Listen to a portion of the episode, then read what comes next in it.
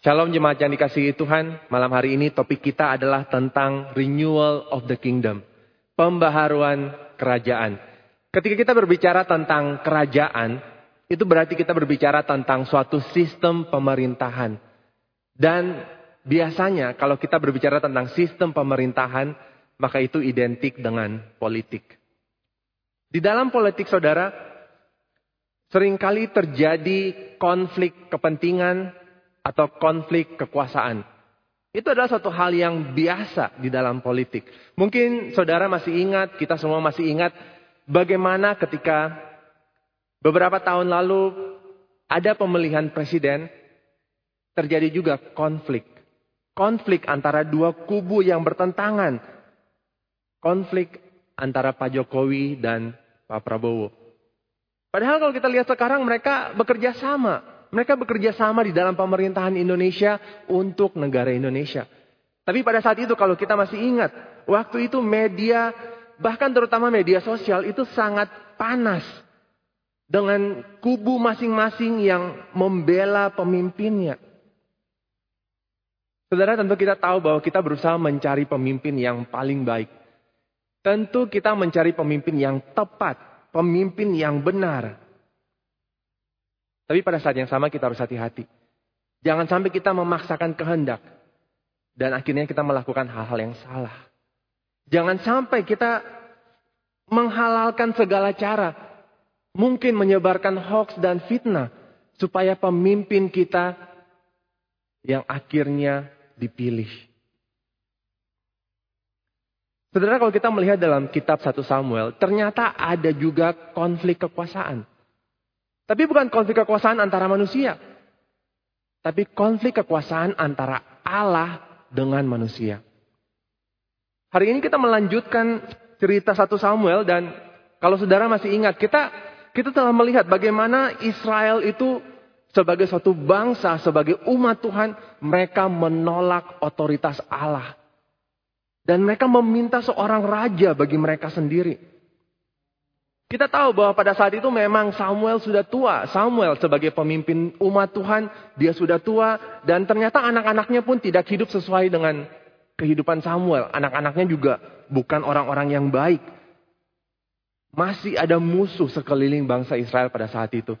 Sehingga pada saat itu ada tantangan dari dalam. Dan ada ancaman dari luar Israel.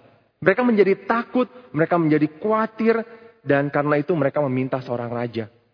Mereka berpikir jika mereka punya raja sama seperti bangsa lain, maka bisa ada keamanan, maka bisa ada kestabilan pemerintahan dan itu bisa jadi solusi untuk ketakutan dan kekhawatiran mereka pada saat itu. Saudara kita harus jelas. Kita harus jelas bahwa solusi yang dicari dan dibuat oleh manusia itu tidak selalu salah. Israel pada saat itu ketika mereka meminta raja, itu bukan suatu hal yang salah. Yang salah adalah alasan mereka. Yang salah adalah motivasi mereka meminta raja. Mereka meminta raja supaya menjadi sama seperti bangsa lain. Padahal mereka harusnya adalah bangsa yang kudus, umat pilihan Allah. Mereka meminta raja karena mereka tidak mengandalkan Tuhan. Mereka mengambil inisiatif sendiri, mencari solusi sendiri dan mereka lupa bahwa sebenarnya ada Tuhan. Pada saat itu kita melihat ceritanya bahwa memang Tuhan mengizinkan. Tuhan mengizinkan Israel boleh punya raja dan Saul akhirnya menjadi raja pertama orang Israel. Meskipun pada waktu itu ada yang menolak. Ada beberapa orang yang menolak Saul menjadi raja. Tapi Saul tetap menjadi raja. Kalau kita lihat di dalam 1 Samuel pasal yang ke-11, kita lihat cerita bahwa Saul berhasil memimpin bangsa Israel, berhasil menyelamatkan umat Tuhan. Dan di akhir dari pasal 11 itu kita bisa melihat bahwa akhirnya bangsa Israel mereka pergi ke Gilgal untuk membaharui jabatan raja. Membaharui kerajaan Israel. Membaharui pemerintahan Saul sebagai raja Israel. Nah hari ini kita akan melihat lanjutannya. Mari kita buka Alkitab kita ke 1 Samuel pasal yang ke-12. 1 Samuel pasal yang ke-12. Saya akan membacakan dari ayat yang pertama sampai yang ketujuh, kemudian ayat yang ke-12 sampai akhir pasal 12. 1 Samuel pasal yang ke-12 dimulai dari ayat yang pertama. Berkatalah Samuel kepada seluruh orang Israel, Telah kudengarkan segala permintaanmu yang kamu sampaikan kepadaku, dan seorang raja telah kuangkat atasmu. Maka sekarang raja itulah yang menjadi pemimpinmu. Tetapi aku ini telah menjadi tua dan beruban, dan bukankah anak-anakku laki-laki ada di antara kamu? Akulah yang menjadi pemimpinmu dari sejak mudaku sampai hari ini. Di sini aku berdiri. Berikanlah kesaksian menentang aku di hadapan Tuhan dan di hadapan orang yang diurapinya. Lembu siapakah yang telah kuambil? Keledai siapakah yang telah kuambil? Siapakah yang telah kuperas? Siapakah yang telah kuperlakukan dengan kekerasan? Dari tangan siapakah telah kuterima sogok sehingga aku harus tutup mata? Aku akan mengembalikannya kepadamu. Jawab mereka, Engkau tidak memeras kami, dan engkau tidak memperlakukan kami dengan kekerasan, dan engkau tidak menerima apa-apa dari tangan siapa pun. Lalu berkatalah ia kepada mereka, Tuhan menjadi saksi kepada kamu, dan orang yang diurapinya pun menjadi saksi pada hari ini, bahwa kamu tidak mendapat apa-apa dalam tanganku. Jawab mereka, dia menjadi saksi. Lalu berkatalah Samuel kepada bangsa itu, Tuhanlah saksi yang mengangkat Musa dan Harun dan yang menuntun nenek moyangmu keluar dari tanah Mesir. Maka sebab itu, berdirilah supaya aku bersama-sama dengan kamu berhakim di hadapan Tuhan mengenai segala perbuatan keselamatan Tuhan yang telah dikerjakan kepadamu dan kepada nenek moyangmu. Ayatnya yang ke-12. Tetapi ketika kamu melihat bahwa Nahas Raja Bani Amon mendatangi kamu, maka kamu berkata kepadaku, Tidak, seorang raja harus memerintah kami. Padahal Tuhan Allahmu adalah rajamu. Maka sebab itu, lihat itu raja yang telah kamu pilih, yang kamu minta. Sesungguhnya Tuhan telah mengangkat raja atasmu. Asal saja kamu takut akan Tuhan, beribadah kepadanya, mendengarkan firman-Nya, dan tidak menentang tita Tuhan. Dan baik kamu maupun raja yang akan memerintah kamu itu mengikuti Tuhan Allahmu. Tetapi jika kamu tidak mendengarkan firman Tuhan dan kamu menentang tinta Tuhan, maka tangan Tuhan akan melawan kamu dan melawan rajamu. Sekarang tinggallah berdiri dan lihatlah perkara yang besar yang akan dilakukan Tuhan di depan matamu ini. Bukankah sekarang musim menuai gandum? Aku akan bersuruh kepada Tuhan supaya ia memberikan guru dan hujan. Lihatlah dan sadarlah bahwa besar kejahatan yang telah kamu lakukan itu di mata Tuhan dengan meminta raja bagimu. Lalu berserulah Samuel kepada Tuhan. Maka Tuhan memberikan pada hari itu guru dan hujan. Sehingga sangat takutlah seluruh bangsa itu kepada Tuhan dan kepada Samuel. Berkatalah seluruh bangsa itu kepada Samuel. Berdoalah untuk hamba-hambamu ini kepada Tuhan Allahmu. Supaya jangan kami mati. Sebab dengan meminta raja bagi kami, kami menambah dosa kami dengan kejahatan ini. Dan berkatalah Samuel kepada bangsa itu. Jangan takut. Memang kamu telah melakukan segala kejahatan ini tetapi janganlah berhenti mengikuti Tuhan, melainkan beribadalah kepada Tuhan dengan segenap hatimu. Janganlah menyimpang untuk mengejar dewa kesia-siaan yang tidak berguna dan tidak dapat menolong, karena semuanya itu adalah kesia-siaan belaka. Sebab Tuhan tidak akan membuang umatnya, sebab namanya yang besar. Bukankah Tuhan telah berkenan untuk membuat kamu menjadi umatnya? Mengenai aku, jauhlah daripadaku untuk berdosa kepada Tuhan dengan berhenti mendoakan kamu. Aku akan mengajarkan kepadamu jalan yang baik dan lurus. Hanya takutlah akan Tuhan dan setialah beribadah kepadanya dengan segenap hatimu. Sebab ketahuilah betapa besarnya hal-hal yang telah dilakukannya di antara kamu. Tetapi jika kamu terus berbuat jahat, maka kamu akan dilenyapkan. Baik kamu maupun rajamu itu. Demikian firman Tuhan. Saudara yang kekasih kita melihat di dalam pasal ini bahwa dengan adanya seorang raja di Israel pada saat itu. Ketika Saul telah menjadi raja, maka Samuel bukan lagi pemimpin bangsa Israel. Dan karena itu, di dalam pasal ini kita melihat bahwa Samuel pamit. Pamit dari orang Israel. Dan di dalam pidato perpisahannya ini, Samuel mengatakan beberapa hal. Kita akan melihat di dalam layar Ada tiga hal yang dikatakan oleh Samuel di dalam pidato perpisahannya ini. Yang pertama Samuel mengatakan bahwa selama memimpin Israel, dia selalu berlaku benar dan setia. Ini bisa kita lihat di dalam ayat yang ketiga sampai yang kelima. Dan orang Israel pun setuju. Mereka setuju dengan apa yang dikatakan Samuel. Bahwa dia tidak pernah menerima suap. Dia tidak pernah memeras mereka. Dia tidak pernah berlaku kasar kepada mereka. Kekerasan kepada mereka. Tidak. Tuhan menjadi saksi. Dan mereka bangsa Israel pun mengatakan, iya benar. Samuel memang benar. Hal yang kedua, Samuel mengatakan bahwa selama ini sebenarnya Israel sudah punya raja. Selama ini sebenarnya Israel berada di bawah pemerintahan atau pimpinan Tuhan sebagai raja mereka. Dan meskipun mereka tidak setia, Tuhan setia menyelamatkan mereka. Berulang kali dikatakan sejak zaman Musa dan Harun Tuhan telah menyelamatkan mereka. Tetapi mereka berulang-ulang kali melupakan Tuhan. Ketika mereka menyembah berbagai dewa-dewa dan ilah-ilah lain. Tuhan menghukum mereka. Tapi kemudian mereka berteriak, minta tolong kepada Tuhan. Dan Tuhan mengirim hakim-hakim untuk menyelamatkan mereka. Tapi setelah diselamatkan, mereka kembali lupa. Mereka kembali ber, berdosa, kembali menyembah ilah-ilah lain. Dan kemudian Tuhan menghukum mereka. Tapi kemudian mereka berteriak lagi dan Tuhan menolong mereka lagi. Tuhan menyelamatkan mereka lagi. Berulang-ulang kali hal ini terjadi. Tapi mereka tetap tidak setia kepada Tuhan.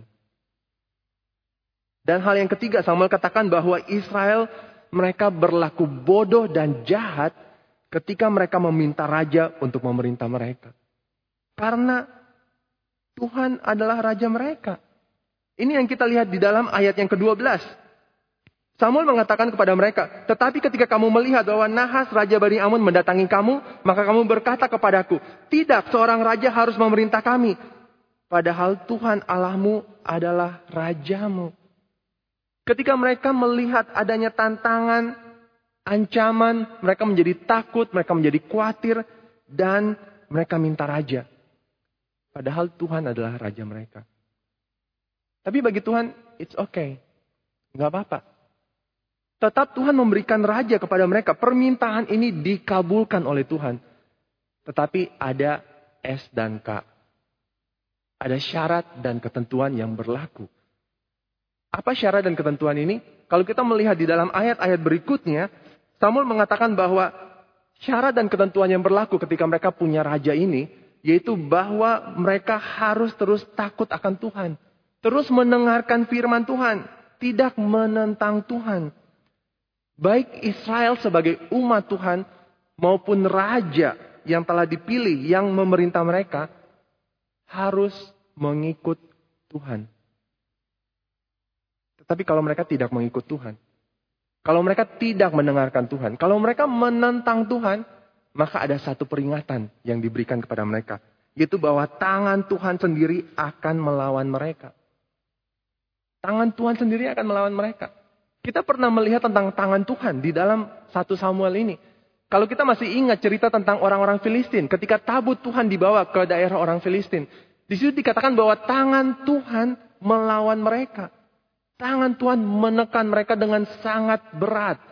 Sehingga mereka ketakutan dan bahkan akhirnya mereka mengembalikan tabut Allah itu.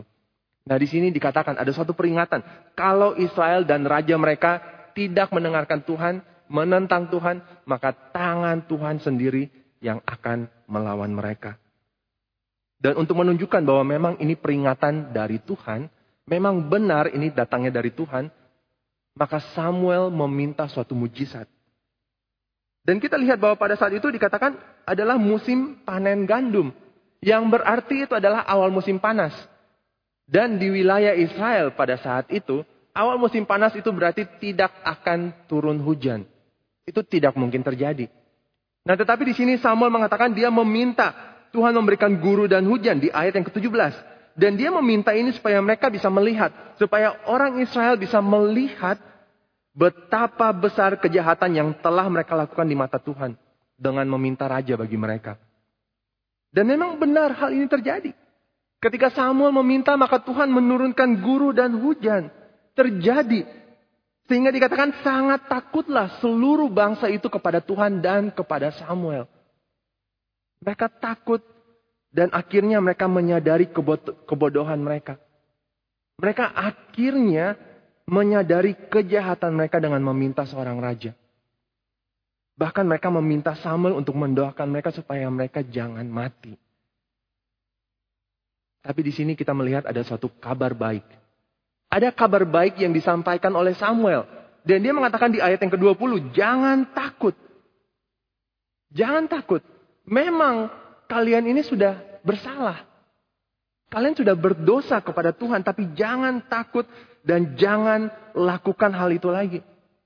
Dengan kata lain, meskipun mereka sudah salah, tetapi kalau mereka bertobat, kalau sekarang mereka mengikut Tuhan dengan sepenuh hati, melayani Tuhan, hanya Tuhan saja, tidak lagi mengikut dewa-dewa atau ilah-ilah lain, maka mereka tidak perlu takut.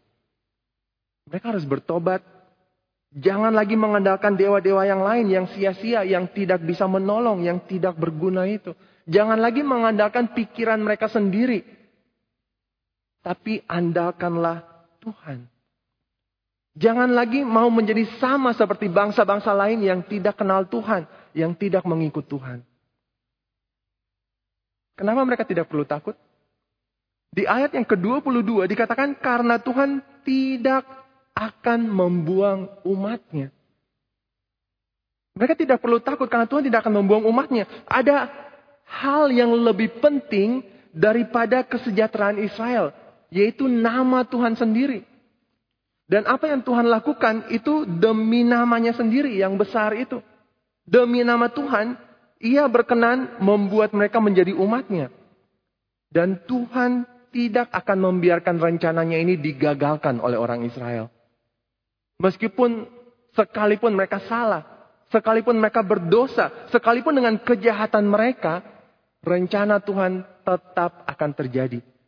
Tuhan tidak akan membiarkan mereka menggagalkan rencananya. Nah karena itu di dalam pidato perpisahannya ini, Samuel mengajak orang Israel untuk kembali bertobat. Kembali berbalik kepada Allah. Dan inilah pembaharuan kerajaan itu. Bukan hanya kerajaan Israel, tetapi kerajaan Allah sendiri. Renewal of the kingdom of God. Di mana Allah kembali menjadi raja atas umatnya. Di mana orang Israel kembali menjadi rakyat, menjadi umat Allah, mengikuti Allah. Sebagai umat Tuhan, mereka telah salah ketika mereka minta raja. Karena mereka menolak Tuhan sebagai raja mereka. Karena itu sekarang mereka perlu bertobat. Perlu kembali mengikut Tuhan. Perlu kembali mengandalkan Tuhan sebagai raja mereka. Bukan mengandalkan pemikiran sendiri, bukan mengandalkan solusi sendiri, yang pada akhirnya membuat mereka menolak Tuhan. Inilah renewal of the kingdom of God. Allah kembali menjadi raja atas umatnya dan orang Israel kembali menjadi umat Tuhan. Sampai di sini kita bisa melihat bahwa peran Samuel itu sangat penting. Sangat penting. Dan bahkan di sini dikatakan bahwa Samuel akan terus mendoakan mereka.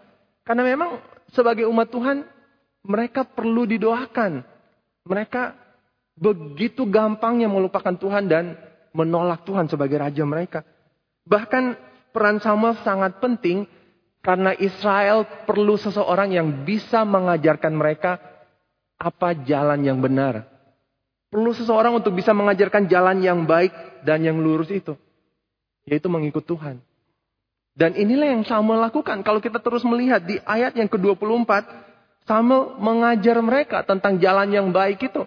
Dan dia mengatakan, takutlah akan Tuhan, setia kepadanya, terus percaya dan melayani Tuhan. Itulah yang harusnya mereka lakukan.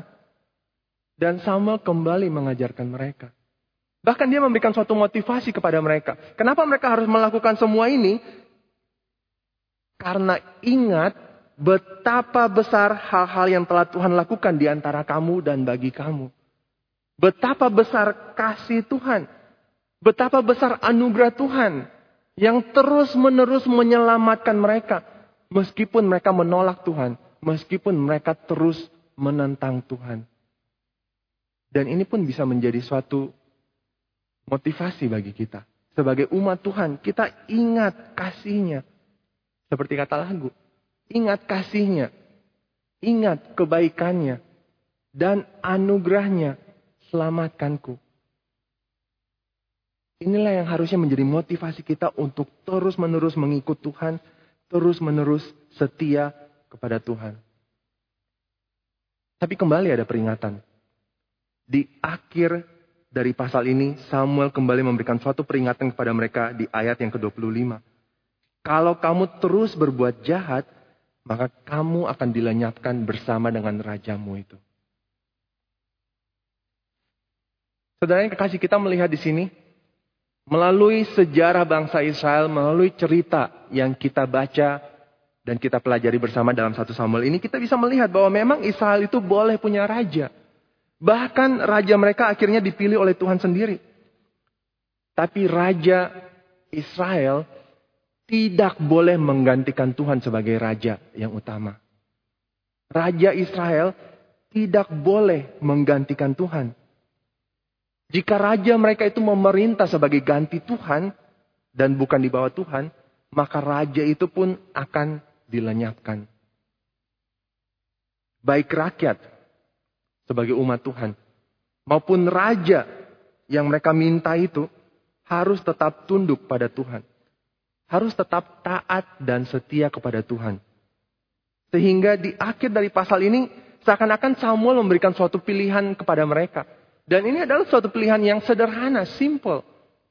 Dia seakan-akan mengatakan kepada mereka, apakah kamu dan rajamu itu mau tunduk kepada raja di atas segala raja?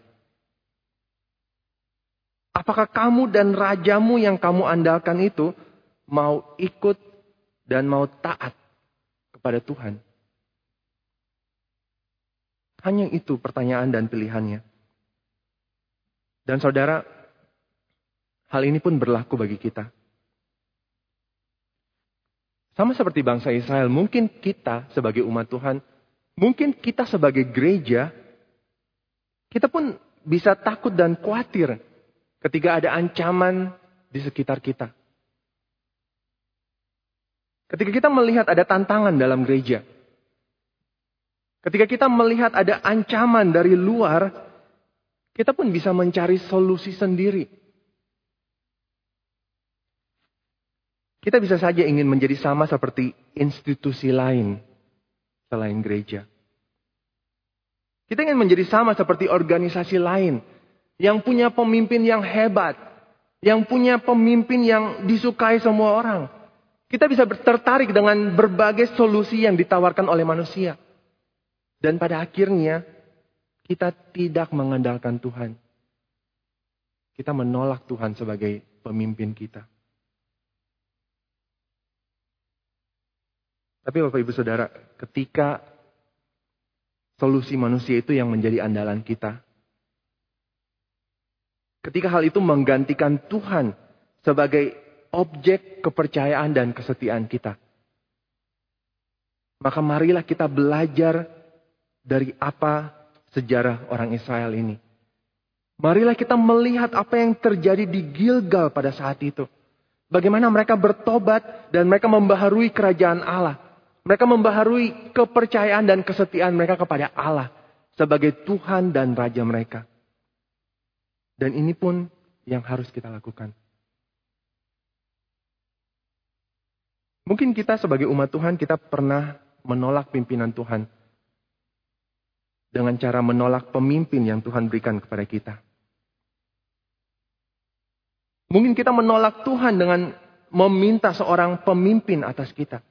Mungkin terjadi konflik kepentingan yang membuat kita akhirnya tidak taat dan setia kepada Tuhan, Raja kita. Kalau memang hal itu terjadi, maka sekali lagi seperti orang Israel, mari kita sadari betapa besar kejahatan yang telah kita lakukan kepada Tuhan. Dan mari kita kembali bertobat.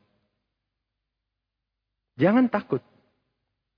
Jangan takut demi namanya yang besar Tuhan tidak akan membuang umatnya. Tuhan tidak akan membuang gerejanya. Bukankah Tuhan telah berkenan untuk membuat kamu menjadi umatnya?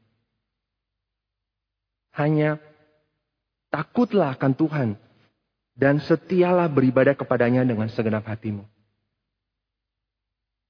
Tetapi jika kamu terus berbuat jahat, maka kamu akan dilenyapkan, baik kamu maupun rajamu itu. Mari kita berdoa. Bapak kami yang di surga, kami bersyukur sekali lagi untuk firman-Mu yang boleh kami baca, yang boleh kami dengar, yang boleh kami renungkan bersama pada malam hari ini. Kami bersyukur Tuhan bahwa inilah firman yang harus kami dengar pada saat ini. Dan kami terus memohon supaya Tuhan yang menolong kami. Firman ini boleh benar-benar menjadi firman yang hidup dalam kehidupan kami masing-masing. Tuhan, sempurnakanlah firman-Mu ini dalam kehidupan kami supaya kami pun boleh benar-benar dengan sepenuh hati mengikut Tuhan. Meskipun mungkin kami pernah bersalah dan berdosa terhadap Tuhan. Tapi sekarang kami mau bertobat. Kami kembali datang kepadamu. Dan kami ingin kembali menjadikan engkau sebagai Raja kami. Tolong kami Tuhan sebagai gereja untuk boleh terus taat dan setia kepada Tuhan untuk boleh terus mengikut Engkau sebagai Tuhan dan Raja kami. Dan dengan demikian, kami pun boleh menjadi umat Tuhan yang terus memuliakan namamu. Terima kasih Tuhan. Terima kasih. Dalam nama Tuhan Yesus kami berdoa dan kami bersyukur. Amin. Demikian kebaktian doa kita pada malam hari ini. Tuhan Yesus memberkati.